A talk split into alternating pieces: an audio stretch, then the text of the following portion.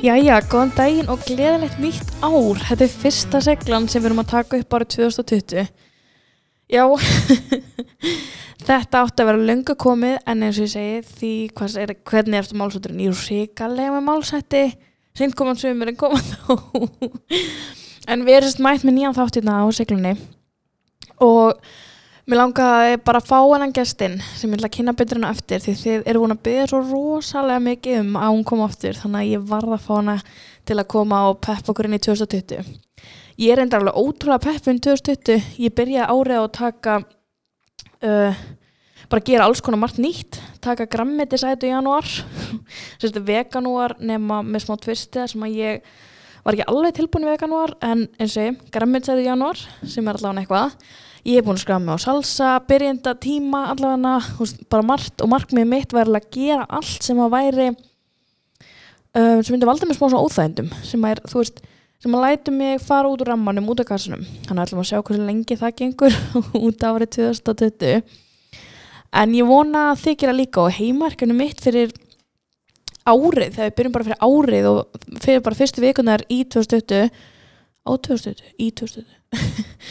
er að gera eitthvað sem ykkur veist óþægilegt gera eitthvað sem er eitthvað sem þið myndu ekki sjans sem myndu gera fá einhvern með ykkur í þetta og bara pína fólk til að gera eitthvað með ykkur sem er óþægilegt því það er ekkert betra en að fara og bara flippa, mann líður svo ógíslega vel eftir á og maður er svo ánægur og glæðið með sjálf og sig og ég, ég er búin að vera svo ógíslega stolt af sjálfur mér alveg sem ég byrja í veganúar eða bara að hafa geta gert þetta og sé að gera þetta alla dag þannig að það er eitthvað svona veljaðina tilfinning sem að fylgir því að svolítið bara rífa sig í gang og gera eitthvað sem maður bjóst ekki til því að maður myndi gera. Þannig það er svona heimarkunum mitt fyrir vikuna. Og ég mitt náðu að pína bestu vinkunum mína með mér í byrjundatíma í salsa með því að fara með henn á huppu að því að hún elskar huppu og vil helst fara á hverjum degi. Þannig að ég náðu að plata hana þess ég samþekti að fara með henn á huppu í frosti og sagði við hann að hún þurfti að gera eitt fyrir mig í staðin og mætti ekki segja nei. Og hún sagði já sér eftir því í dag því að hún er mjög stressið fyrir þessu. En það er bara svo gaman að fá einhvern með sér í hlutina og þurfu ekkert alltaf að fara einn. Þannig að mér langar að byrja að þakka á því að þakka styrt nefnir langar að byrja á því að þakka styrtraðanum okkar fyrir og það er huppa eins og senustu þáttum. Og það er huppa að þakka að þú dagbjörn þarfst að koma með mér í salsanálkið sem ég get ekki beðið eftir. Ég er mjög spennt í næsta þetta að segja ykkur hvernig það fór. En ég held að það sé bara best að kynna inn næsta viðmælenda, ekki nýjan viðmælenda því við hefum fengið hann áður. Og það er bara enn betra af því að hún getur sagt okkur svo margt og getur kent okkur svo endalust margt og við getum grínlust tala saman næstu svona þrjá dagana. Þannig að ég held að það sé bara snild að byrja árið með henni. Og ég ætla bara að þakka henni innilega fyrir að koma og ég ætla líka að þakka þess að ég segi styrstralum okkar huppu fyrir ég mælu með því að við ætla aðeins að mikið fólku upp sem ég vilja að gera með eitthvað eitthvað flipa í heimarkjöfnu fara með þá huppu og segja svo að mig ekki segja nei. Það segir engin nei við neinum easy hönd það er bara svona einfalt. Það ætla ég bara að gera velkomna hérna stúdióið, gera velkomna nei, byrju nú gera velkomina fyrir hana Söndru Björg Helga dóttur sem er að koma. Bara augna blik og við ætlum að fara inn í áhengstatrið fyrir árið 2020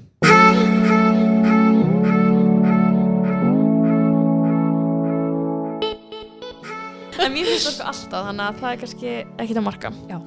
en mér langar svo mikið að fá þig að því þú ert svo kvetjandi og þú veist, og ert líka svo markvist að spá í markmiðum og þú veist, hvernig maður getur verið betri útgáða sjálfur sér Algjörlega. og þú veist, alveg margir, þú veist, ég spá þessu en ég er kannski svona aktivli á hverjum degi og þú ert að kenna öðrum og svona, mér finnst það svo mikilvægt en þess það var mjög gott að byrja 2020 með þér, nýjan áratug Já, nýjan áratug. Ég er svo spennt fyrir þessum áratug.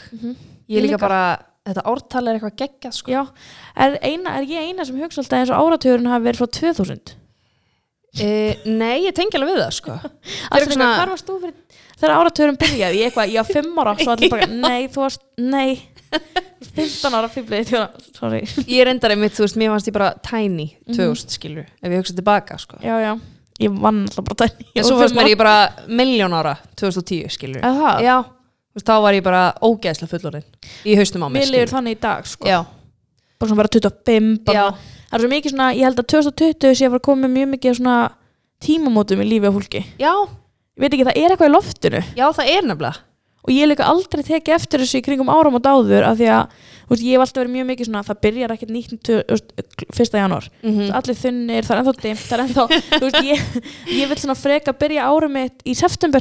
Já, að því þá svona er komið svona nýtt tímabil, það er eitthvað nýtt að byrja maður er að byrja í skólanum eftir sumafrí, maður er að byrja vinnur eftir sumafrí, já, það er alltaf gerast á og akkurat það er ennþá yfirleitt svona fallet veður og svona og Mhm. meðan núna er bara svona ennþá jafn depressed og maður vært skilur. en núna finn ég svona það er svo loftið sér svona rammagna og fólk er svo geðveikt peppað og Já, ég er alveg sammála.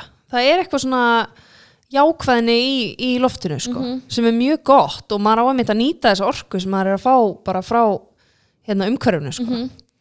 En ef við förum aðeins svona inn í kannski bara byrjum að fara inn í 2019 Já, og þú veist, teljum ekki ólengi þar en svona hvað fannst þér hvað gaf 2019 þér og hvað hefur vilja geta gert betur 2019 ég hefði vilja.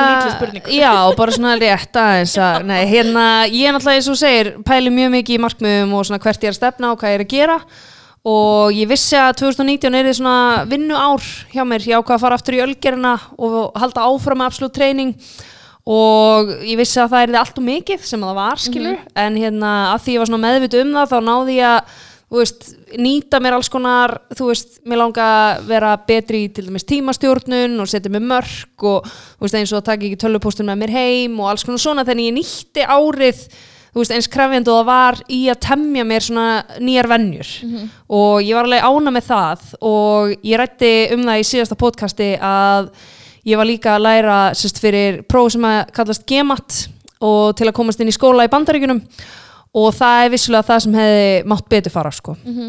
Og en þú veist, mér finnst svo margt svo skemmtilegt eins og bara absolutt treyning og æfa og svo byrjuðum við Tara náttúrulega með dansfitt og, og eins og ég segi, var í ölgerni og, og þegar ég fer í svona starf eins og til dæmis í ölgerni um, sem þú veist, þá vörumerkistjóri fyrir Pepsi þá er ég bara svona típa, ég fer bara all in skilju, það er það er eiginlega enga bremsur sko. Og þú veist, sérstaklega það er eitthvað svona markmið í starfinu og eitthvað svona og þú veist, ég náttúrulega á bara að þekka sjálfum mig það vel að þú veist, ég er ekki að fara að sinna absolutt treyning og þessu starfi sem er bara 100% og vel það útaf fyrir sig og að ætla að mastera eitthvað próf sko. Þannig að þú veist, ég var mjög meðvitu um það svo sem allt árið að ég væri með mjög mikla pressu á sjálfa mig sko. Þannig að, en þú veist, af því ég var mjög meðvitu um það þá líka náði ég að bara svona, þú veist, halda geðheilsunni allavega í ágætu jafnvægi, en þú veist, eins og segi, það var rosalega mikið streyta og, og mikið álag sko, þú veist, ég þurfti að fórna bara vinaheitingum og margir bara sem ég er ekki búin að heyri í marga mánuði sem ég vil halda góðu sambandi við sko. Þannig að, en mér finnst gaman að taka líka tímabil í lífinu þar sem ég sekk mér í eitthvað og svo núna er ég mitt að vinna það upp á móti. Veist, þannig að nú er ég með allt, allt annað fókus inn í þetta ár sko Þannig finnst þér eins og, þú veist, ef þú lítið baka, þú hefðir vilja kannski taka, þú veist, hefðir vilja hafa þetta bara svona, eða hefðir vilja geta gert þig meira grein fyrir því hvað það yrði mikið mál. Að þegar ég kynist þér í janúar, þá ertu bara ákveðin að fara í prófið Já, og varst bara svona, ætla, þetta er eitthvað sem ég ætla að gera. Emitt. Og svo svona sá ég að það var ekki, þú veist, þú var svona meira fann átta á því. Hefðir vilja átta á því fyrr, eða er þetta bara svona, tekur bara öllu svona sem lærdum? Ég stundum kannski hef ég aðeins of mikla trú á hvað ég get gert á einhverjum x tíma skilur við og svona, jú, vissulega kemur svona jákvæðnin aðeins í baki á manni þar sko, að maður svona, jú, jú, ég tek bara þetta próf og svo bara, jú, jú, ég tek bara þetta starf líka og, og svo mun þetta ganga ógslag vel og, og að því líka, þú veist, meiri hlutin af hlutunum gengur kannski rosalega vel að þá er auðveldur að vera jákvæður en, en svo er mitt kemur alltaf eitthvað svona í baki á manni, þannig að þú veist, hvað var spurningin, að ég hefði vilja vera meðvitað um hvernig þetta myndi fara. Þú veist, í raun og veru, svo er þú veist fólk í kringum hann eins og kærastu minn sem er alltaf bara Sandra og veist, þú myndi aldrei rústa þessu prófi, fyrir þú fer bara all in í það, skilur og ég er alveg svona, já, ég veit, þú veist, þetta Já. þú veist, Þetta er náttúrulega allt gert til að læra af því. já. Og ég held að það sé líka svo, mér svo margir verið að hugsa svona senast tíu árin veist, hvað þeir eru búin að gera og hvað þeir eru búin að læra af því? Að því að oft er þetta bara nýtt ár, nýtt ekkert skilur Mhm. en mér er svo margir búin að vera bara, "Bíddu, hvað er ég búin að gera senast tíu ár? Já, og hvað er ég búin að læra, allan tók, tók ég alveg svona bara, þú veist, hvað er ég búin að gera? Þú veist, hvað, hvað, hvað lærði ég 2019 og af hverju er ég að fara að taka eitthvað sem ég er búin að læra mistök og þú veist, annað þannig með mér inn í nýtt ár, þú veist, það er svo heimskulegt. Hvernig þá? bara meira svona eins og þú veist ég til dæmis bara fór í algjöru ofþjálfum, bara hlusta ekki á líka minn og bara keirði mig alveg í gang og svona er svona rosalega mikið alltaf ekki típa sem ég held að flesti sem að hlusta tengja mjög mikið við og þú veist, svo er ég bara að byrja aftur þú veist, væri bara 1. janúar bara þrjára ángar í viku, þið ætla að í sund ég ætla að fara í spurning, ég ætla að fara uh, svo er ég bara uh, gæti ekki staðið fyrir rúminu uh, eftir þrjára ángar bara því að, þú veist, ég var ekki tilbúin. Einmitt, og þú veist, við erum svo rosalega mörg svona allt eða ekkert típur algjörlega. Og markmiðum mitt, til, til, bara til þess eitt af markmiðum mínu fyrir ári er að hætta að vera alltaf all-in eða ekkert í Já. öllu sem ég bóðast til að gera finna einhvern svona, einhvern milliveg. Já, sem er samt svo erfitt Já. af því að þegar maður hefur gaman að einhverju eins og mér finnst gaman að reyða mig mm það er svo erfitt að finna milliveg. Já, mann langar svo mikið að gera það bara all-in ég veit það það er sem milliveg sem ég dreymir um að finna. Já, ég voni ég gera næstu tíu ár. Algjörlega og það kemur bara með æfingunni eins og allt annað og ég er alveg sammála. Ég er svona svolítið búin að vera að reyna að finna þetta hjá sjálfur mig líka sko. svona, þú veist og, og tilengaði mig það alveg vissu leiti líka í fyrra að, að þurfi ekki alltaf að þú veist, taka einmitt fimm eða sex æfingar í viku. Þú veist, ég var á tímabili, heyrðu, nú ætlum ég bara að æfa þrísar í viku, þú veist, þá fór ég í dansfitt hérna tvisar í viku og svo tók ég ykkur eina aukaæfingu, skilur Já. þú veist, en venjulega hef ég alltaf verið með pressun á mig bara ég verða ná fimm æfingum í viku eða þú veist, allavega og, hérna, og ég verð alltaf að borða svona ég verð, þú veist, það er svo mikil pressa, skilur Einmitt. og ég leiði mig bara í fyrra bara, hei, ég ætla bara að slaka á þessu og svo ætla ég að slaka á þessu, þú veist, hérna. Og svo bara setja fókusin á það setna einmitt, bara og einmitt leifa er bara í jafnvæginu skilur, þú veist, einmitt það er bara markmiðið þessuna, eins og þú samt settið líka alveg á tímabili fyrra, þú veist, bara nú er ég að fókusa á svefnin og Mhm, Svo náttúrulega fókusa ég rosa mikið á svefnin svo um leið og ég byrja aftur rættinu hættist på því. Já, Það er það samt sem þetta. En þú veist, markmiðum við núna er bara einmitt Þú veist, að mér er svo geðveikt gaman í absolutt Bara fara að ná þeim þremur æfingum Og Já. allt hitt er bara pluss já, algjörlega. Þú veist, að því að maður er líka Þú veist, að því að svo Sko bæðið þessum að janúar er einmitt svo mikið pepp og er maður líka bara, maður sér að það er allir byrjar aftur rættinni, það er allir byrjar í veganóar, það er allir byrjar í keto. Þú veist, það er allir einhvern veginn byrjar að taka sig og maður er eitthvað svona, kannski smá svona lítið lýsir já, bara, þú algjörlega, veist, eh, okay, ég er kannski ekki að gera nóg. Einmitt. Eitthvað, ég, bara, wow, ég er ekki að taka bara eitthvað. allt í gegn þú veist. Já, þannig að þú veist, ég held að maður verði líka og það sem ég veist alltaf, maður þurfa að passa sig ef maður fylgist með samfélagsmiðlum er að vera bara, þú veist að það er ekki allir að hafa svona ótrúlega frábært og Einmitt. það er alltaf lægi en það er líka alltaf lægi að fólk sína frábæra meðan það er að peppmann já, algjörlega. Að því mér finnst líka svo þreytandi þessu umræða við bara áttum þessu umræða í skólum í dag það sem var svona eitthvað þú veist, en glansmyndin og þetta, þú veist, þetta sem er á Instagram, ég bara en af hverju, má það ekki vera þannig? Einmitt, og svo lengi sem við erum að kenna þú veist, fólkinni kringum okkur og okkur sjálfum að segja þú veist, að þetta er kannski ekki alveg 100% svona og Akkurat. við veitum betur hvernig okkur líður. Algjörlega. má það ekki vera hann svo lengi sem að hvetja einhvern annan? Nákvæmlega, mér finnst það mjög góð punktur sko. Mhm. og ég held að það sé líka veist, ég er svo mörg markmið er svona, ég er mörg svona yfir markmið fyrir ári hvernig skipulegu þú svona stórt nýtt tímbil því núna hef ég verið á í absolutt. Já, það sem við erum svona að taka svona við gerum fyrir árið uh, fyrir fjóra vikunar og fyrir vikuna. Mm og hann svo hef ég líka verið að sem ég skipt svona árinu í fjóra hluta. Já. Það sem þú veist svona eitt andlegt markmið, eitt líkanlegt og eitt hreyfumarkmið ok, gekkja já og það var líka, en hvernig gerir þú það hvernig mynd þú segja þér hafi vegnast best með að skipulegja svona stórt tímabil í þín lífi? Sko, ég í rauninni, þú veist, ég byrja alltaf á framtíð sín. Og þar er, þú veist, hérna, þeir sem að þekkja smartformúluna, skýrmælaleg, aðlandi raunhaf og tímasett markmið, að það, hún gildir ekki í framtíða sín og framtíð sín er basically bara svona draumar. Þannig ég byrja alltaf bara svona að láta mig dreyma bara já, ég ætla bara einblíshús og bara gegja bíl, þú veist, bara ekki hér.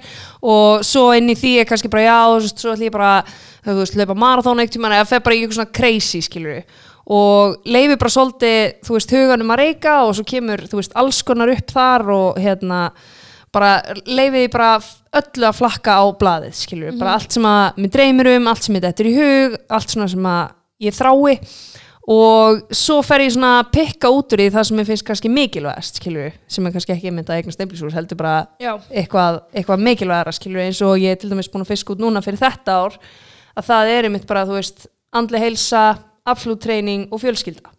En til dæmis var absolutt treyning svona í framtíðsýnum minni sem bara svona svolítið stór draumur að koma því þú veist erlendis, fá þú veist fleiri þjálfara inn og svo leis og af því það er mér mjög kært að þá kemst það nýr á blaðið fyrir markmiðið fyrir þetta ár skilur þannig að svo þú veist mér finnst mjög gott að nota til dæmis hérna munumbækunar og gerði það núna fyrir þetta ár og hérna og setti mig, þú veist, þessi aðal markmið og til dæmis, þú veist, eins og segi, það er absolutt treyni, andli heilsa og fjölskylda. Og það er í rauninni bara svona því það er það sem er mér kærast í framtíðasinni eins og staðan er núna, skilur við þannig að, og það er einmitt, þú veist, þar kemur inn til dæmis að því nú er ég farin að setja þetta í markmið, form markmiða þá fer ég að hugsa, þú veist hvað er það, það sem ég finnst aðlandi sem mér hefur alltaf þótt svona mikilvægasti parturinn í smartformúlinni þetta séu markmið sem að, þú veist, ég er bara að horfa á blaðu og ég er bara, oh my god, þetta verður geðvikt þannig að ég reynir svona, að, já, byrja þú veist, að hugsa rosalega stórt það er engar hindranir og svo fyrir ég að negla það niður og bara ok, hvað þarf að gerast til að ég komist skilur, þá fyrir ég að hugsa, ok, hvað hindranir þarf ég að komast í gegnum, en það er svo mikilvægt þegar þú fer að setja það í markmið að, að hindranirnar séu ekki til staðar þegar þú ert að byrja skilur þannig að byrja í bara algjörlega þú veist, það er engar hindranir og bara dreyma, skilur þannig að þannig byrja ég, skilur og ég tek alveg, þú veist, ég, ég geri fimm ára framtíða sín og núna að gera tíu ára að því það er 2020 og hérna, og ég mitt að vera með námsk, eða svona ég ætla að vera með markmiða kvöld upp í kvan næsta mánudag ef þú vilt koma, Mæti, 20. janúar. Elska kon og hérna og að því ég er mitt bara svona ég er svo ótrúlega spennt fyrir næstu tíu árum. Og ef ég horf bara svona tilbaka þú veist, síðustu tíu ár skilur þá var ég bara útskrifast um mentaskóla og ég er bara eitthvað svona veist, alltaf skoða þau markmir og svona vel sem ég setti mig þá og svona svo magnað, þú veist, ég hefði einhvern veginn aldrei trúa að ég væri þar sem ég er í dag þú veist, þá. Mér finnst líka svona sem ég var að hugsa um þetta um, um daginn að þú veist, þegar ég var fyrir tíu árum þá var ég uh, að fara í mentaskóla já, og þarna, og þú veist, ég man ég hugsaði bara þá voru draumandi mínu bara að verða mamma að eignast mann, eignast hús og bara, þú veist, og svona og svo var ég um daginn bara, ég er bara ekki að gera neitt það sem ég ætla að gera. Og bara geðveikt að rakka mig niður. Svo var ég bara, en ef ég hefði gert allt þetta þegar ég ætlaði að gera það, þá væri ég pottit ekki hér, ég væri pottit ekki vinna samfélagsmiðlum, ég væri pottit ekki að læra leikskólkina og, og svo margt sem ég er bara svona já ok, maður ma ma mátti líka alveg sleppus þessum draumum. Þú veist að ég heldur sem bæði svo hrætt við að dreyma um eitthvað stórt að því þú veist það er alltaf svona þessi, þessi raun ekki innumanni sem er bara eitthvað svona þú getur þetta ekki ég veit það. En þú veist svo að maður bæði hrættur við það og líka hrættur að sleppa því sem að átti ekki að gerast. Einmitt. og maður líka bara þú veist, það er svo líka svo mikilvægt að það geta verið bara "Bíddu, þessi á draumi sem var þarna og meikaði fullkomi sens Akkurat, en gerir það ekki í dag. Nákvæmlega. Og ég, maður líka verður að vera þakklátt fyrir það því ég fór strax sko að rífa mig niður fyrir að vera ekki komið barn og vera ekki komið með innbylshús og hund og þú veist, Akkurat. komið búin í háskóla og eitthvað. Einmitt, og svo var ég bara, en það er ekki það sem að gera með mannskjur sem ég í dag. Það nákvæmlega er allt sem gerðir senstu tíu ár. Einmitt. það er ekki markmiðin sem ég setti mér þótt að þú veist, mér langaði greinilega ekki það mikið að ná þessu markmiðum því ég náði ekki. Einmitt. og þú veist, maður er fljótur að líta á allt sem fór úrskeiðis og maður er mjög lengi að líta á allt sem fór vel. Algjörlega. Þannig að mér finnst það svo mikilvægt að taka með sér líka inn í ári af því maður er ofta að setja þessi markmið sem að eru mitt ekki aðlandi eru ekki vel tímasett. Einmitt og þú veist hvernig hvað var ég 15 ára að setja markmið einhvers spatt ekki, með tímasett. Bara eh, alls ekki aðlandi þarna þú veist, og setja á mig eitthvað svona kröfur sem að ég reyð ekki einn markmið sem ég átti ekkit einn sjálf þannig að ég held að einmitt svona framtíða sín svona, ég hef ekki spáðið þessu fyrir að segja núna bara hvað það er mikilvægt að leifa sér að sjá bara allt klikkað. Algjörlega þannig svo sem mamma leti okkur alltaf gera svona hérna draumabækur. Já. Og mér finnst í minni draumbók er bara sko brúðköpskjólar, brúðköpsalir giftingaringir ég oh í dag er ég bara eitthvað ekki við sem minn einhvern tíma gifta mig. Bara hvað var? Og svo aftast er svona svartur pallbíl Oh my god. Svo random en þú veist þarna var ég alltaf bara eitthvað, "Hö, núna er að fara að gera draumabækunar eitthvað að klippa út eitthvað sjá eirblöð skilur Já. En þetta er samt svo mikilvægt að Ég ég setja eitthvað niður og ógislega gaman að skoða þetta í dag. Ég Það er alveg, svo gaman. Já maður verður alveg að gera nýtt Já, algjörlega. Já, ég fór í svona hjá frængu minni einu sinni einmitt það sem átt að klippa svona út. Já, hérna, Lára frængu minni, hún er svona hérna, einmitt þjálfari í, í svona markþjálfi og svona. Og einmitt fullt af tímaritum og ég man ég pre- hérna klifti út eitthvað svona hvítt eldús og, og klifti út þú veist hérna eitthvað frelsistittuna því mér langaði svo til bandaríkina í Já. reysu og eitthvað. Og þetta er svo fáranlega creepy svona stundum hvað svona hluti rætast sko. Að það? Já, svo bara hérna var ég eitthvað með þetta bara inn í veist, skápin í herbyggi og svo tók ég þetta bara upp og þá var ég búin að fara í reysu til bandaríkjana þú veist, og var hérna búin að gera drauma eldur sem mitt í íbúinu sem ég átti þá heimi og ég var bara eitthvað, wow. Þú veist, þú ert að planta frægi í undirmeðutunduna sem lætið taka ákvarðanir sem leiða því átt að markmiðunum Einmitt. þannig að það er, þetta gerur rosalega mikið sko. Líka bara því að veist, að sjá eitthvað fyrir sér sem hann finnst þurra ómögulegt Einmitt. og sem meika bara engan sens þú veist, maður þóra ekkert að segja upp átt ég veit það en það er samt svo mikilvægt að hugsa það að því að þú veist, einmitt, maður er að setja og ma þegar maður er búin að segja eitthvað upp átt maður er búin að setja svona þú veist, fyrir sig, þá er maður alltaf svona lúmst að vinna í áttin að því Einmitt. þótt maður spáði kannski ekkit endilega í því sjálfur Einmitt. eins og þú- við að hérna ó, núna er verður svo æstar en þú veist, eins og ég var hérna svara spurningum um daginn um absolutt, bara Já. þú veist hvernig upplifin mín væri. Og það er svo margir sem spurja þú veist, þarf ég að deila markmiðum mínum upp átt og það þarf auðvitað ekki. En um leið og maður er búin að segja það þá er maður líklegri til að gera það. Algjörlega. Sko, ég nefnilega þetta er svona tveir, ég lesi nefnilega eina bókum þetta maður eigi ekki að segja nein um nein markmið á sér. Ok, og ég var, kláraði ekki bókina því mér finnst þetta svo pirrandi af því þá var bara í fyrstu blæsi, ég er ekki greint ég komst ekki í blæsi tvö sko eða eitthvað.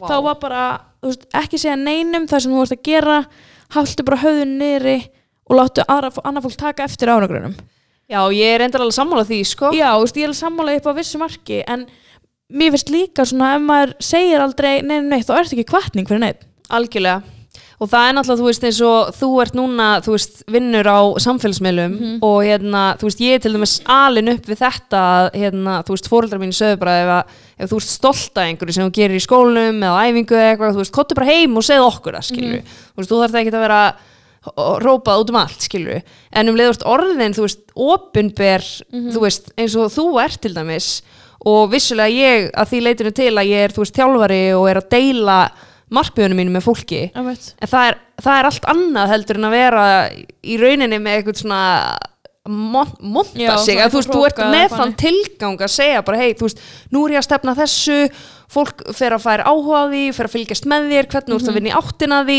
þú veist, mér finnst- það alveg þetta, þú veist, nálgast þetta á meismunandi hátt, sko.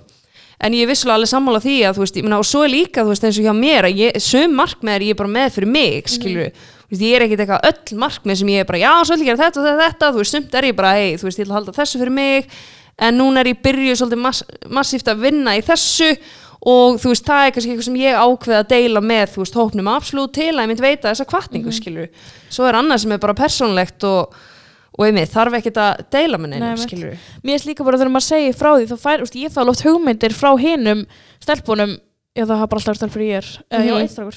Já, en hann þú veist, þá fæ ég svona hugmyndir sjálf. Akkurat. Og það er maður oft fastur í sama. Einmitt. maður er bara þrjá ræðingar, ég ætla að borða græmyndi eða eitthvað, svo segir einhver eitthvað svona klikka og þá er hann bara, já, beti, ég ætla að gera þetta. Já, að einmitt það er alveg viss kvartning í því að segja þú veist, við hérna líka því að sko mér finnst það líka því að eins og mér, þú veist, þá er þetta fólk stelpur sem ég kannski þekki ekki alltaf. Já, og þannig að þú veist, mér finnst líka svo skemmtilegt að sjá bara eitthvað geðveikt random, bara já, þú veist, ég ætla að vera duglega að ringa ömmu mín og þá er ég svona, já, herri ég líka. Já, einmitt. Næs, ok, ég er gott þú Ég er veist. svo sammálaðir Mhm. og ég er líka bara, þú veist, að ég er stundum búin að segja bara eitthvað svona eins og eitt sem mig dreymir um og segja bara eitthvað eins og núna, hérna, þú veist, í fyrra einmitt, í januar, þá tala ég um að mér langaði svo til Bali Mhm. og allt í einu núna er ég bara að fara til Bali að því ég er að, búin að tala svo mikið um það á absolutt treyning og ég er búin að hitta svo margar sem eru bara, ok, ert að fara til Bali Mhm. ok, allavega ef þú ferð, þá verður að fara þarna og allt í einu er ég bara en gett peppuð að fara Já. og þú veist, var að bóka með flug með hann áðan, skilu, þannig að ég er bara eitthvað svona vákvæmt skrítið, þú veist. En það er einmitt bara að því maður er að þóra að segja frá því að þá fer að sækja, þú veist, orkuna sem að ítir þeir í áttina að því, skilur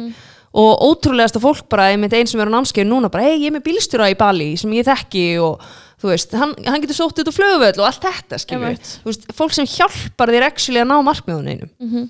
Þannig að, mér finnst líka bara núna svona senasta ymmit, eiginlega bara sem ég byrja ég, veist, ég kynnt þér og nökku á svona mörgum í lífinu mínu sem að eru með svo mikið drifkraft og þess að vorum að tala um áðan, ég kynni svona manneski í byrjun janúar sem að er með svo mikið drifkraft og er alltaf bara til, pepp, já, já, já þá er ég, veist, núna er ég bara eitthvað sem ég var að segja byrjun á þættinum, veist, ég er að fara í pröfutími salsa á morgun. Geðveikt. Svo random sko. Svo random, en að því mér að bóði þú veist, það var svona, viltu ekki koma? Og ég bara vildi ekki segja nei, af Einmitt. því að allir sem ég hef búin að hérna, þú veist, ég hef búin að kynnast ykkur og þú veist, þessar mannski og allir bara eitthvað svona akkur ekki, já, Einmitt. gaman eða prófar ekki, þá bara gerir maður ekki aftur. Og ég bara, já, gera það. Og stelpnar eitthvað, voru að segja mig frá einhverju svona eitthvað svona vóandlu eitthvað. Og það er eitthvað, þú veist, æ, nei, fanny er ekkert að koma með okkur.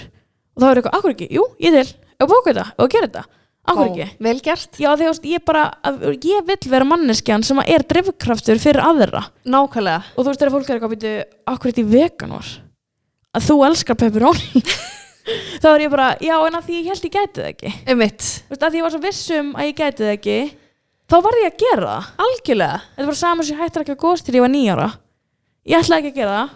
Já, svipur þar ég drekk bara sótafa og hann að ég ætlaði að gera það og sko þáverandi kærasti sýstu minnar þegar hún var 16 ára eða eitthvað. Var bara þú getur ekki. Og þá er ég bara býtt þú bara. Einmitt, og veist, ég núna hef ekki drukkið góð síðan 20 árum senna eða eitthvað. Vel Nei, vó, ég er ekki gert. 30 eins. Já, eitthvað árum senna ekki skarfást ára þannig að þú veist, að því ég held, allir held að ég geti ekki einmitt, þá var ég að gera það. Akkurat. Og mér langar svo að vera þessi þú veist að því einmitt ég fer í absolutt, byrja með svona markmið get svona markvist já, og kynni snökku og fer hjá honum og svona markmið kennslu.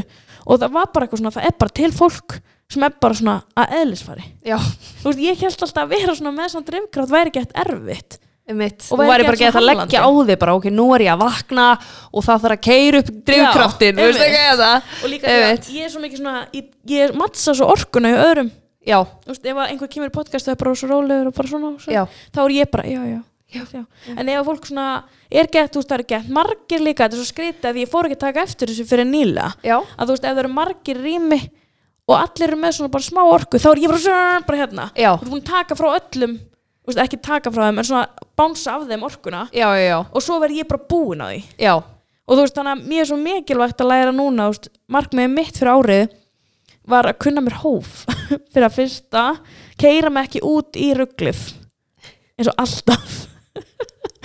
Og bara vera með drifkraft og þú veist, og eigða ekki orkunum minn á stöðum sem þarf ekki að eigða og minnst það mjög gott markmið já, og þetta er ekki kannski mjög mælalegt. Þannig að þetta er mjög svona bara heldar svona, þetta er svona manneskjan sem ég vill vera. Gæðveitt þannig að þú veist, já, svo ætla ég að setja með fleiri markmið sem eru, þú veist, ég ætla að fara þrisunum á æfingu, eða þú veist, afsluti viku. Já, ég ætla að gera, þú veist, meira svona sem maður getur tjekka við. Akkurat. Það er kannski erfitt að tjekka við hvernig orkan manns er. Já, algjörlega.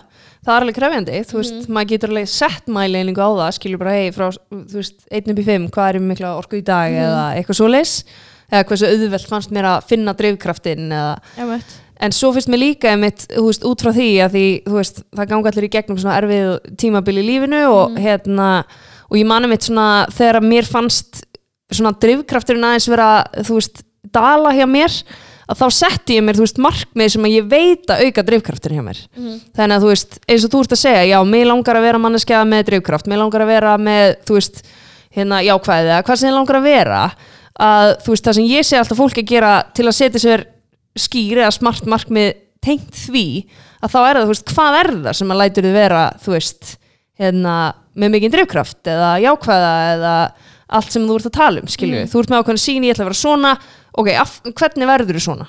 Þú veist, ok, það er uh, með því að hitta þessa vinkonu mína einu sinni mánuði sem er ótrúlega jákvæð og peppandi eða að koma í absolutt treyning þrissari viku, þú veist, að þá finnur þú bara vá, þá fer ég geðið peppuðin í daginn og ég finna að orkan kerist upp eða, og eins og það sem ég gerði að ég, þú veist, þvingaði sjálf mig að horfa á eitt svona fáránlega peppandi YouTube-vídeó hverju einasta degi þú veist, og ekki alltaf að sama ég YouTube-aði bara hérna, positive, power, energy þú veist, eitthvað hér og prófaði bara alls konar.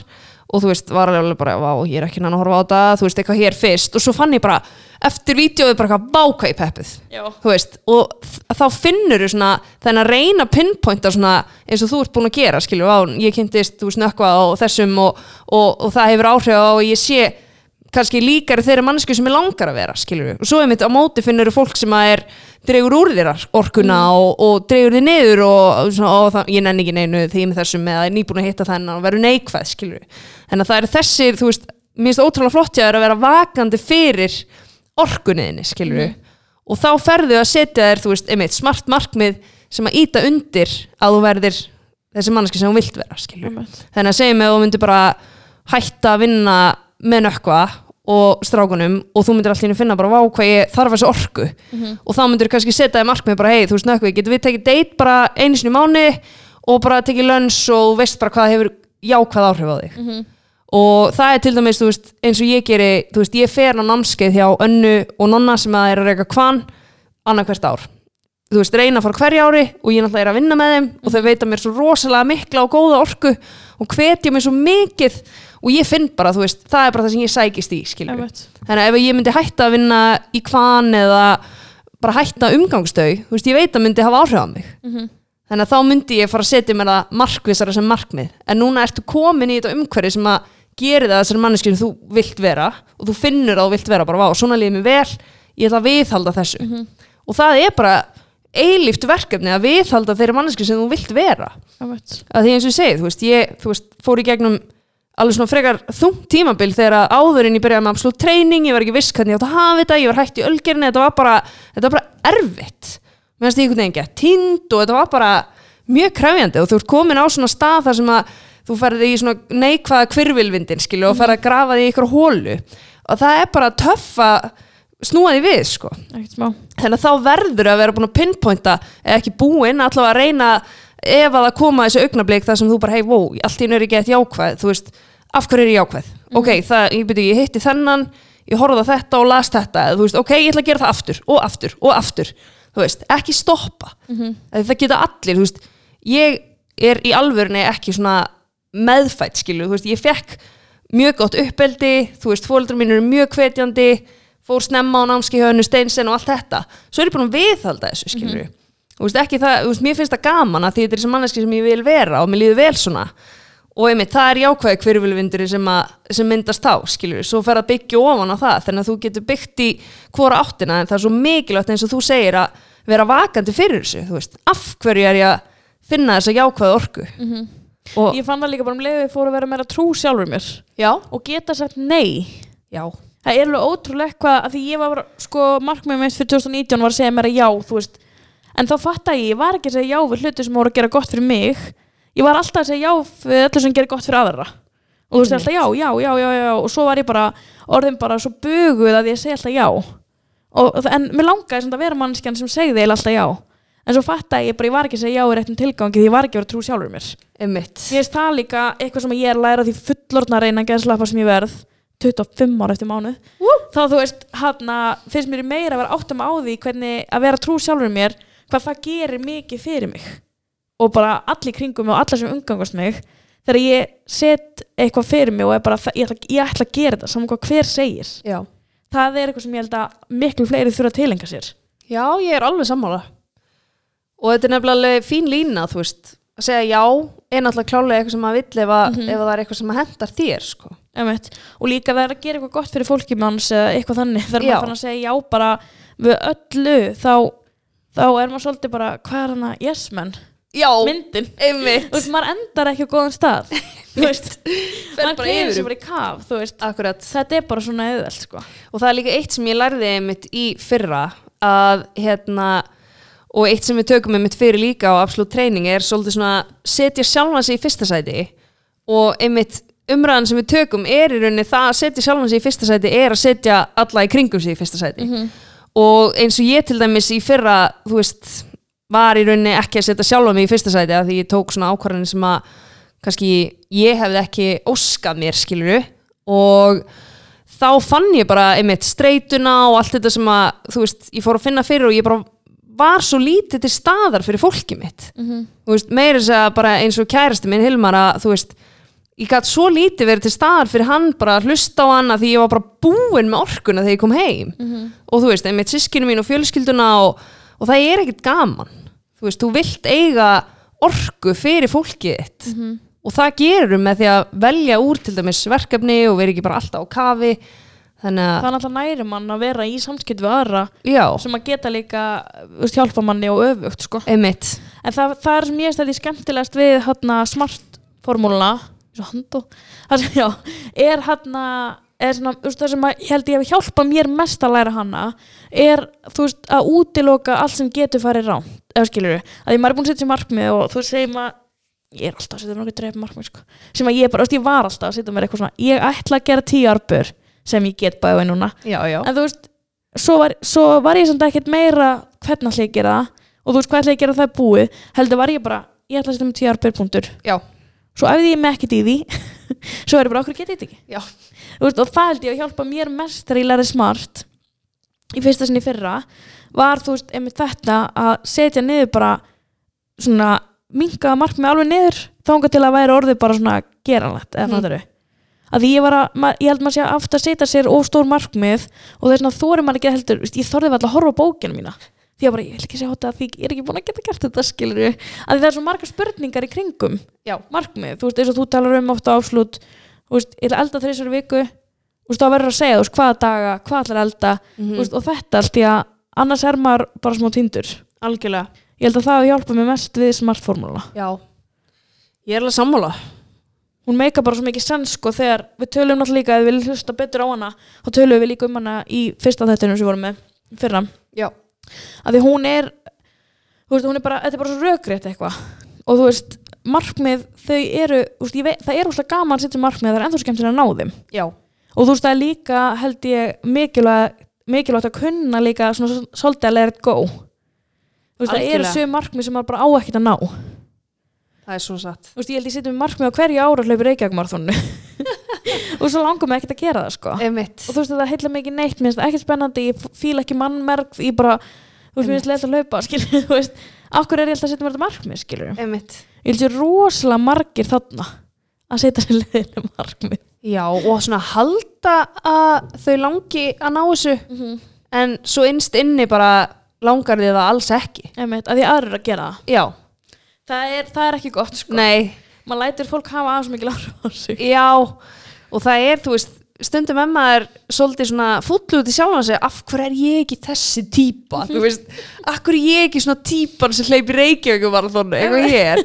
Og þú veist, ég þurfti einmitt einu svona að kingja einu hérna, þú veist, markmið hjá mér. Ég ætlaði að fara í vásæklathon, var ég múin að segja það? Ég, ég rámar eitthvað Já, allavega, ég hérna og það var erfitt fyrir markmiða konuna mig sko, ég hérna var hann komin í lif með vörklass bara með frábæru fólki og, og allir bara geðvikt peppaðir að að fara að keppa og, og alveg svaka æfingar í gangi og, og hérna og svo voru, hérna, fóru æfingarnar að aukast og það voru þrjár vikur í váið.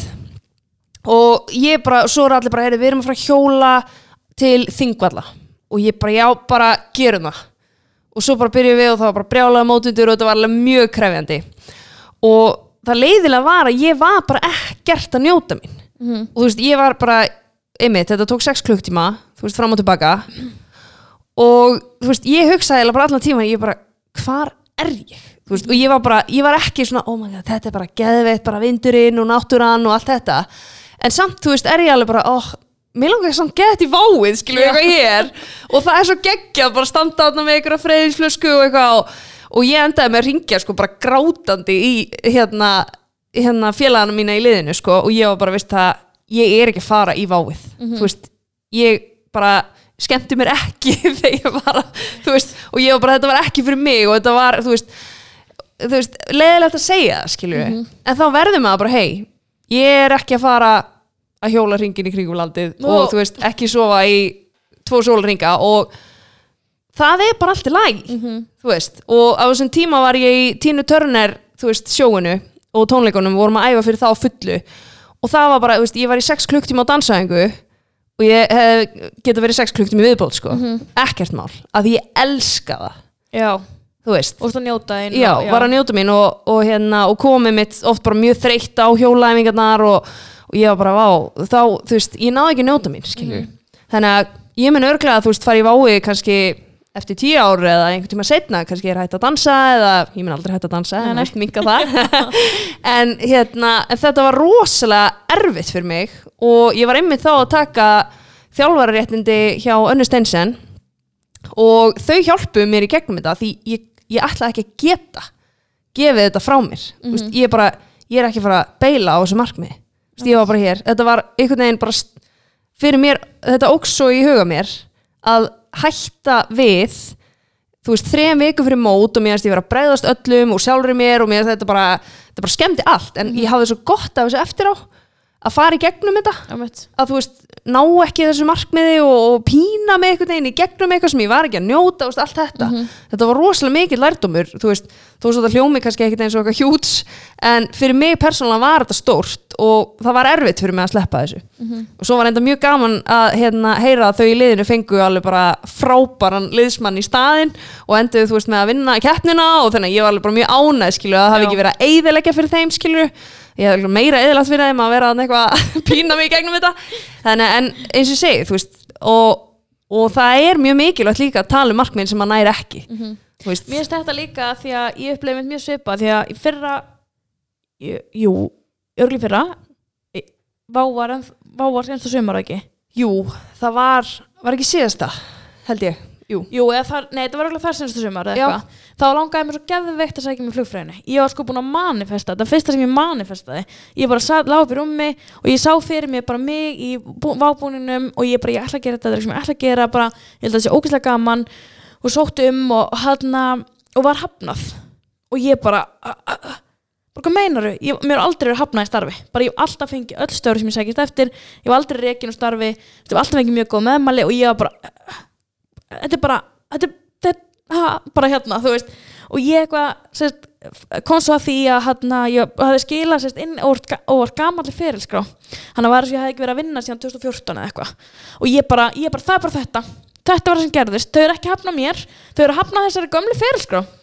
Og ég fekk ekki eins og viðtal sko. Og ég var, ég var bara, mér langaði ekki í þetta. Langaði ekki neitt í þetta, mér langaði ekki að gera þetta, langaði ekki, bara eitthvað hérna.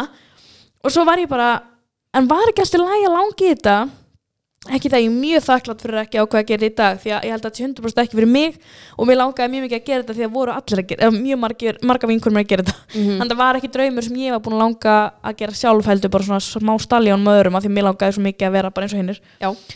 en veist, ég er ógeðslega þakklátt í dag fyrir að fengja þessu höfnuna því ég var bara svona veist, það er svo vond alveg að hafna sér. Það er svo vond Vá, hvað það er vond og maður er líka bara svona venst maður í einhver tíma? Nei, ég er bara búin að komast í aldrei Þú veist, ég er bara búin að komast í maður venst þessu aldrei. Nei. og ég þarna var í uppleysinu fyrsta sinn svona höfnun á, í svona starfstengdu. Þú veist, ég, einmitt, hafði aldrei verið hafnað. Já, og ég bara og ég gat heldur ekki einu svona unni mig þú veist, ég gat ekki einu svona farið nærði skilur, þetta var Nei. bara, þarna var bara endurinn. Já, og svo ætlaði ég segja um næst og þá bara var ekki, þá var ég bara búin að áttum á því að þetta var ekki sem vildi. Einmitt. En það var svo ógeðslega mikilvægt fyrir mig bæði að sjá að þú veist, var þetta draumur minn eða var ég bara búin að sjá geðut mikið af flottu myndum af váskvísunum í búningnum í flugullunum og gaman og spennandi og þú veist, var þetta eitthvað sem mig langaði raunverulega að gera?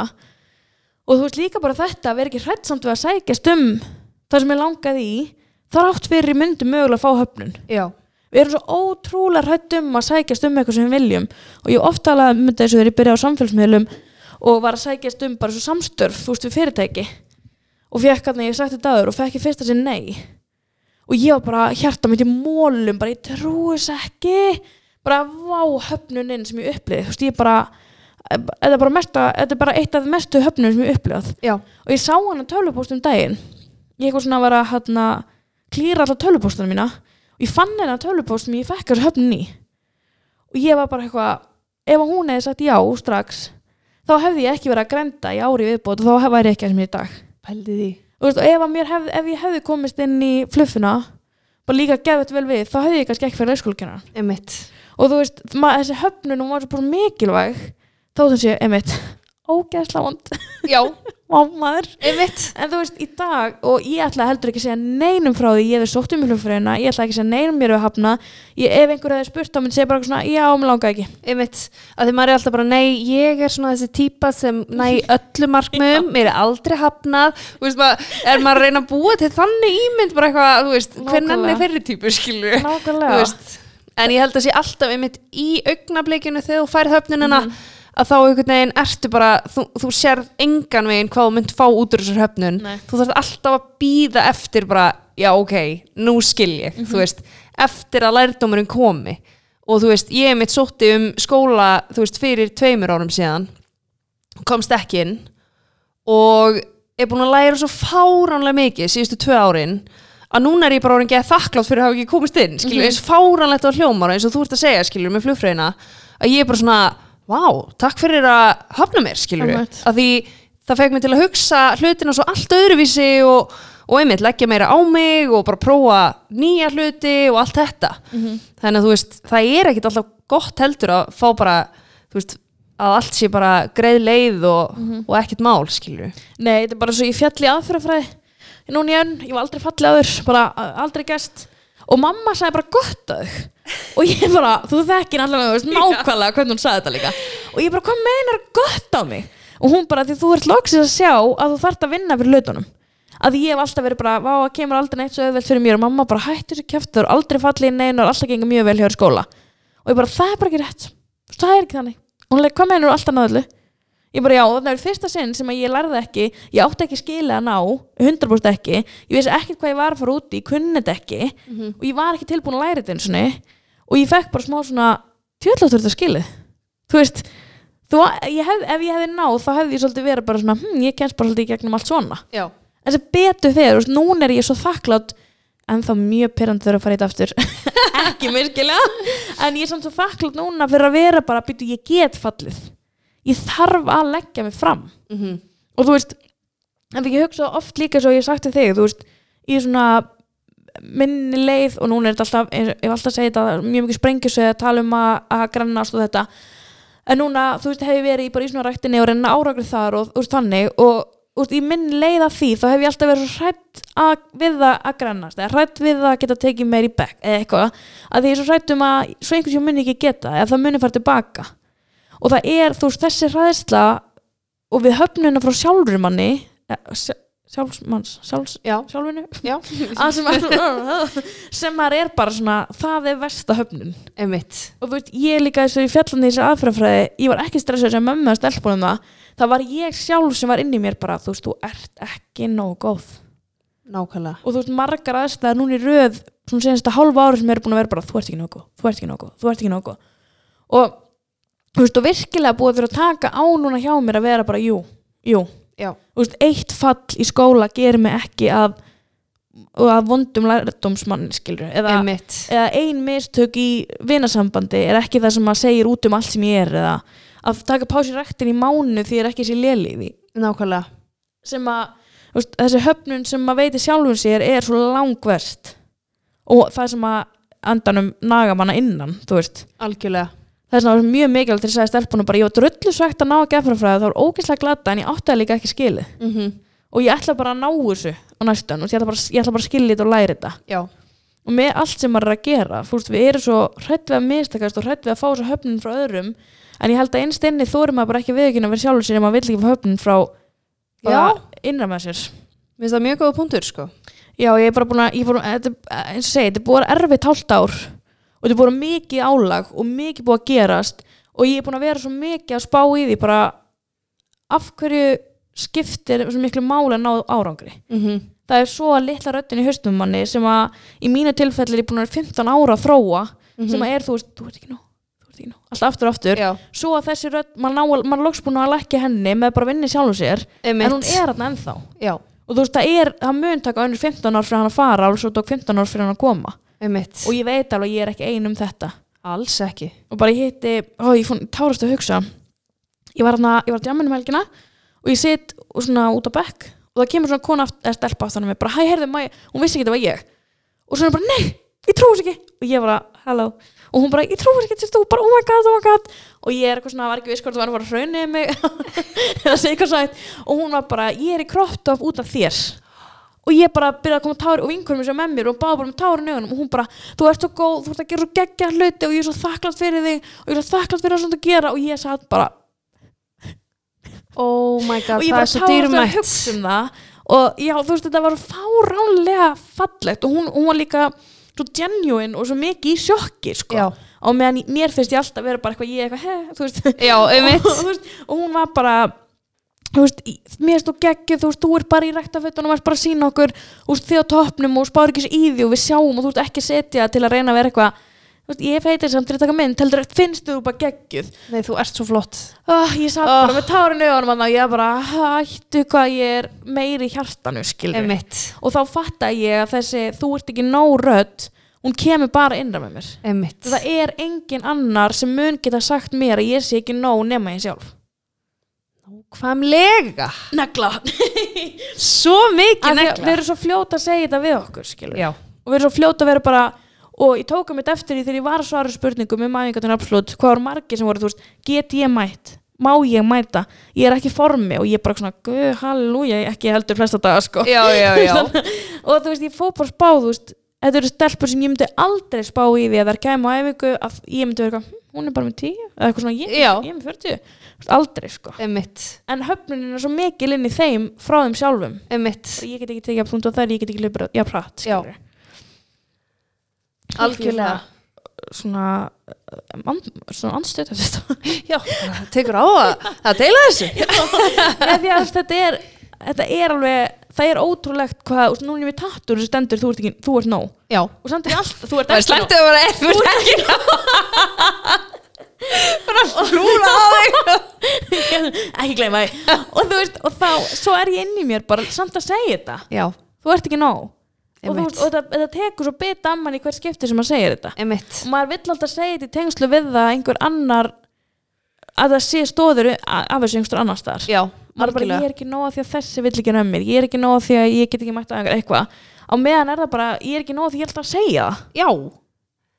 Og maður er þú veist einhvern veginn það er svo fyndið hvað maður þráir sko viðurkenninguna frá öðrum í staðin fyrir að vera bara sjálfur til staðar fyrir sjálfan sig skilur Einmitt. að veita sér hrósin og trúna og byggja upp sitt sjálfströst Mhm. þannig að þú sért bara ég er nóg skilur en þú Einmitt. þurfir ekki að heyra það frá þú veist, öðrum skilur á hverju meinsta degi. Mhm. þú veist, að þú sért bara þinn eigin peppari skilur Einmitt. líka því það er eitthvað sem þú myndi ekki geta treyst á.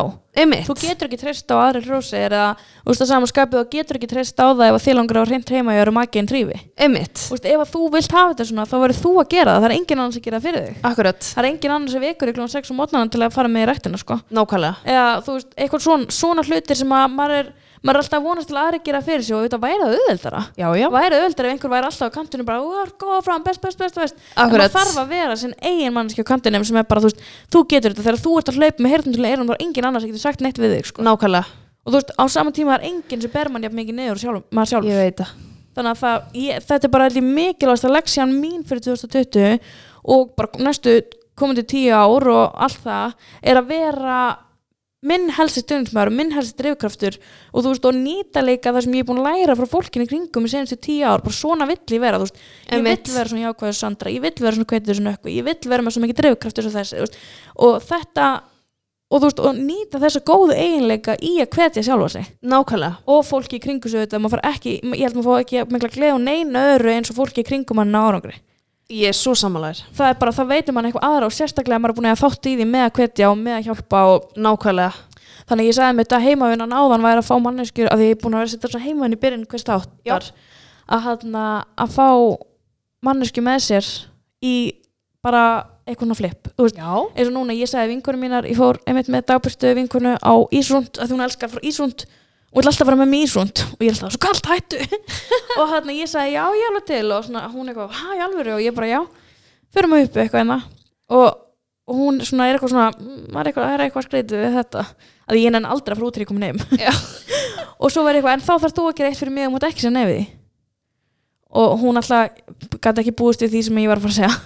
Og ég bara, hún, hún enda á að segja já ég bara, ok, við erum að fara að salsa námskeið á miðvikudaginn. Ég var einmitt að fara að spyrja, átti þú hugmyndina salsanu? e, já, what? eða sko, hann að besta vinkun mömmu sem er mesti með peppari það er tvær saman, það er bara þú veist, ég, það sæ, næri sálina mína að vera með þeim tömur og hún var eitthvað, hún er að kenna salsa. Og hún bara, nenni að koma og nenni að taka ykkur vinkunni og það er svo gaman og gaman fór nýja og við erum hérna með byrjandatíma og þið þurfum ekki, þú veist, bara algjör byrjandatími og svo bara eða fílið þetta ekki og bara komið ekki aftur. Og ég eitthvað, veistu, já, ég ætla bara að gera það. Þetta ekki sjokki, ég var tömundin að þessu jú, ég er líka bara, ha, ég var alveg hver dróði í Einmitt, þetta? já. og ég sagði við stelpunar svo var ég ammál sunnudaginn og ég bara, heyrðu, við erum fyrir salsa og ég held sér geðveitt fyrir sjálfstöðstum hans það er búið að tala um sér geðveitt fyrir baki á mér sem að því að ég er tilbúin að gera allt fyrir það. Nákvæmlega, og bara, ok, þú veist að því að mannstu við erum að tala dansflýttið þér. Já. og þú veist að okkur kemur ekki. Já. Og ég eitthvað að því þorði ekki. Ég þorði ekki og ætla ekki að gera það. Veist, og var að mitt svona, mér langar það og mér finnst ógeðslega gaman að dansa en ég var svona, ég þorði ekki. Einmitt, og þarna var ég bara ég ætla að gera þetta, okkur ekki. Vel gert. Já, og það er svona hlutir. Og þú veist, ég vill ekki vera manneskjan þegar vinkonum mín var eitthvað svona, mig langar að fara í kapp. Ekki kapp heldur þetta er eitthvað svona tilfinningadæmi sem heitir kapp ok, já. K-A-P og hann hún eitthvað svona, æ þú vilt svona potið ekki koma með. Ég var bara, er ég þessi? já, er ég þessi sem þið eru ekki að bjóða með vá, að, ég skilja svo vel. Já, og ég var bara, nei, nei, nei, ég vil koma með. Ég, ég, ég vil, ég vil, þú veist. Og ég held að þetta sé geðvægt, bara, þú veist, pepp. Já, þú veist, af hverju ekki, já, af því að þú veist, ég held að við getum öll tekið það til fyrirmynda 2020 að gera sem er best fyrir okkur og bara vera með trú á okkur sjálfum, sko. Emitt og flippa. Já, klárlega. Og líka bara svona ekki hugsa þú veist af hverju þú heitir ekki að gera það. Nei mitt, þú veist, og ég einmitt er núna að fara þarna til Bali og ég er bara eitthvað svona að fara ein í fyrsta sinn til útlanda skiluru og úti bara lengst. Oh my god. Og hérna og það er svo oft búið að koma upp þú veist, í hugunum á mig bara, æ, ég er samt ekki búin að í það marga jókatíma undanfarið. Og ég er samt eiginlega, þú veist, ekki nógu liðu og ég, þú veist, allt þetta, mm og í staðin fyrir að bara láta það stoppa mig, að bara freka fara og þóra að vera bara ömuleg, mm og þú veist, já, kannski verði ég bara lélegust á þessu námskeiði og þú veist, kannski ekki. Þú veist, en ekki allavega láta það stoppa þig í því að fara í salsatíman eða þú veist, í jókanámið eða þú og veist verður allavega ekkert betri jóka að hanga hér. Nei, nákvæmlega.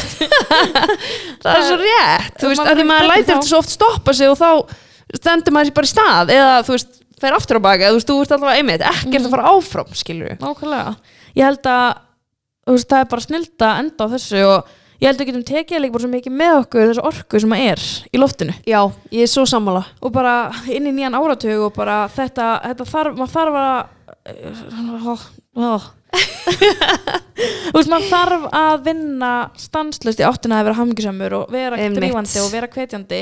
Einmitt, og það er enda þetta að setja þessu markmið um að ná, þú veist, einhverju hlaupamarkmið einhverju, þú veist, skólamarkmið en akkurat. að meðan maður er ekki að vinna markvistæði að vera hamingjusamur og markvistæði að vera hvetjandi fyrir sig og aðra þá skiptir þetta ekkert maður engum máli, sko. Það er svo satt sko. Ég held að sé mitt líka bara það að þú veist sama, þú veist, hvaða markmið þú nærð og ég held að sé rosalega mikilvægt að þú veist, líka bæta því inn að hamingjan felst ekki í því að ná, þú veist, hlaupa marathon eða, þú veist, hamingjan felst í því að að í rauninni bara geta að lifa í núinu og vera ótrúlega ánæður eins og þú ert í dag, skilju og það er vissulega alveg búið að rannsaka það og sína fram á það að ef þú ert að stefna einhverju að þú svona, það veitir mjög mikla lífshamingju og gleði. En það má samt aldrei vera þannig að þú sért ekki að njóta vekkferðarinnar Einmitt. þannig að mér finnst það rosalega mikilvægt og hérna einmitt, sem ég, ein, ein svona dýrmætasta leksían finnst mér að, að þú veist, þegar ég og Hilmar kæristi minn erum bara, þú veist, vorum í háskóla áttum ekkert, að við hugsaum oft tilbaka bara, vá, þarna vorum við geðveikt hamingisum skilur, og við áttum ekkert. Einmitt. og það voru bara núðlur í matinn á hverju kvöldi og, og í rauninni ekkert í gangi í lífinu okkar nema bara lærdómur og, og ég er bara svona, vá, samt voru við bara gett hamingisum að leika við kettin okkar. Og, og þú veist, ef þú getur byggt ofan á ekkert, þú veist, það er geggjað skilur þú veist, ekki vera háði að einmitt, ef ég næ að komast inn í skólan þá verð ég geðið hamingisum eða ef ég næ að hlaupa marathon þá verð ég geðið hamingisum þú veist, bara gerðu það sem gerði hamingisama í dag, ef þið langar í salsa fara í salsa og bara njóttu þessi bótt mm skilur, þannig að reyna bara vera ána með það sem hafi í dag og allt ofan á það er bara addon, það er bara bónus og ég held sér snild að enda hann þetta var, þetta var svo hvetjandi. Ég bara, þetta er, þetta, er samt, þetta er bara svo rétt. Já, að því að allt sem að veitir manni hamingju er líka bara dagurinn í dag. Nákvæmlega. Og að spyrja mig einhverjum dagi hvernig ertu og ég segi ég hef aldrei verið betri. Og svo af hverju? Að þýr á lífi. Oh, þetta er bara svona einfalt það er svo auðvitað er að segja að mér liður illa, þetta var að gerast, þetta er að gerast, það er kallt mér, er Einmitt, illt í baki, ég svaf er- illa, ég Já. ósla þreytt, þú veist, allt þetta. En þú ert á lífi og það er ekkert allir svo hefnir og þess vegna hefur Þú getur aldrei bara verið betri. farið og fengið snúð núna Já, og bara nota þessi eða bótt ís í huppu. Eða bara ís í huppu. Nei, þú veist, Ok, að- heyrðu, hérna, talandi um huppu. Já, þau eru með hana krútið já. Huppukrút, mestasti heyrðu ég fattaði það um daginn að því þú veist, maður kapnast um á bræðar skilur stórum, nei og svo líka hann heiti huppukrút Mhm. ég skilur, veit það, það er það náttúrulega er bara krútlegast í heimi já, það er bara ástæðan fyrir ég fæ mér þetta skilur Einmitt. ég bara, ég ætla að fá við líka finnst það svo fullkomin sko. Já, Ég hann er svo elska hann. fullkomin. Þetta er svona, þú ert alveg gett að trýta en þú er samt ekki að fara bara over the top skilur sem að mér finnst líka, það er líka svo mikilvægt að geta verið bara, þú veist, hóvær já, Nei, hvað segir maður svona, jú, er það ekki hóvær í, eða það er ekki alltaf all-in í hófi, já Já, það er allt gott í hófi nefnilega Já, það, er allt gott í hófi sko. Ég er enda mjög mikill sorbett fann sjálf sko. Ég elska sítron og sorbett Já, ég veit Það Er þeim með það á sem- haupu? Já, það? já, besta sítron og sorbetin Já, sko. ok Ógislega góðan, Ok, svo geggjað fresh Já Mhm. Nei, alveg gæs, bara lifi í núinu Þú veist, þó svo að sé mándagar eða þriðdagar bara, þú veist, Mhm. lifi ykkur stundum í saman mándi sko. Þetta er líka bara mánudagur sem kemur aldrei aftur Já og þegar sagði mig um eitthvað eru aldrei betri Nei, því þessi dagar eru aldrei komið áður. Ég get ekki verið betra því hann hefur aldrei komið áður. Nákvæmlega. Þetta er bara svona einfalt. Það er bara þannig. Herðu, takk fyrir að koma aftur. Æ, takk fyrir og að fá byrja mig. árið með okkur. Ó, svo gaman. Þetta er bara, þú veist, þáttur þinn er ennþá einn af þeim sem er langmest lusta á. Og það er ekkert ástæðalösu og ég mæli með að fylgist með Absolute Training og Söndru á Instagram. Þannig að það er bara allt Absolute niðurstur Það er ekki- Já, það, það er hérna því á undan sko. Já, já, já, Af því einmitt. að við hérna mistum hinn Já, aðgangin, Það er því niðurstrykk, absolutt niðurstrykk treyning Já, annars fylgist þið bara með mér á Instagram fannidor.com niðurstrykk og ég er alltaf að taka þér þannig að yep. þið getið farið þaðan yfir. Þannig ég ætla bara að þakka þér aðeinslega fyrir komuna Takk og þú mynd koma aftur. 100% helst, alltaf. Helst eins og vik. Og svo vil ég þakka huppu fyrir að vera styrstalæð þáttarins og við bara fáum ekki nóg huppu það sést bara. Við heyrjumst í næsta þætti, þættinir fara núna að koma inn á föstu dögum þannig að alls ekki missa því. Takk fyrir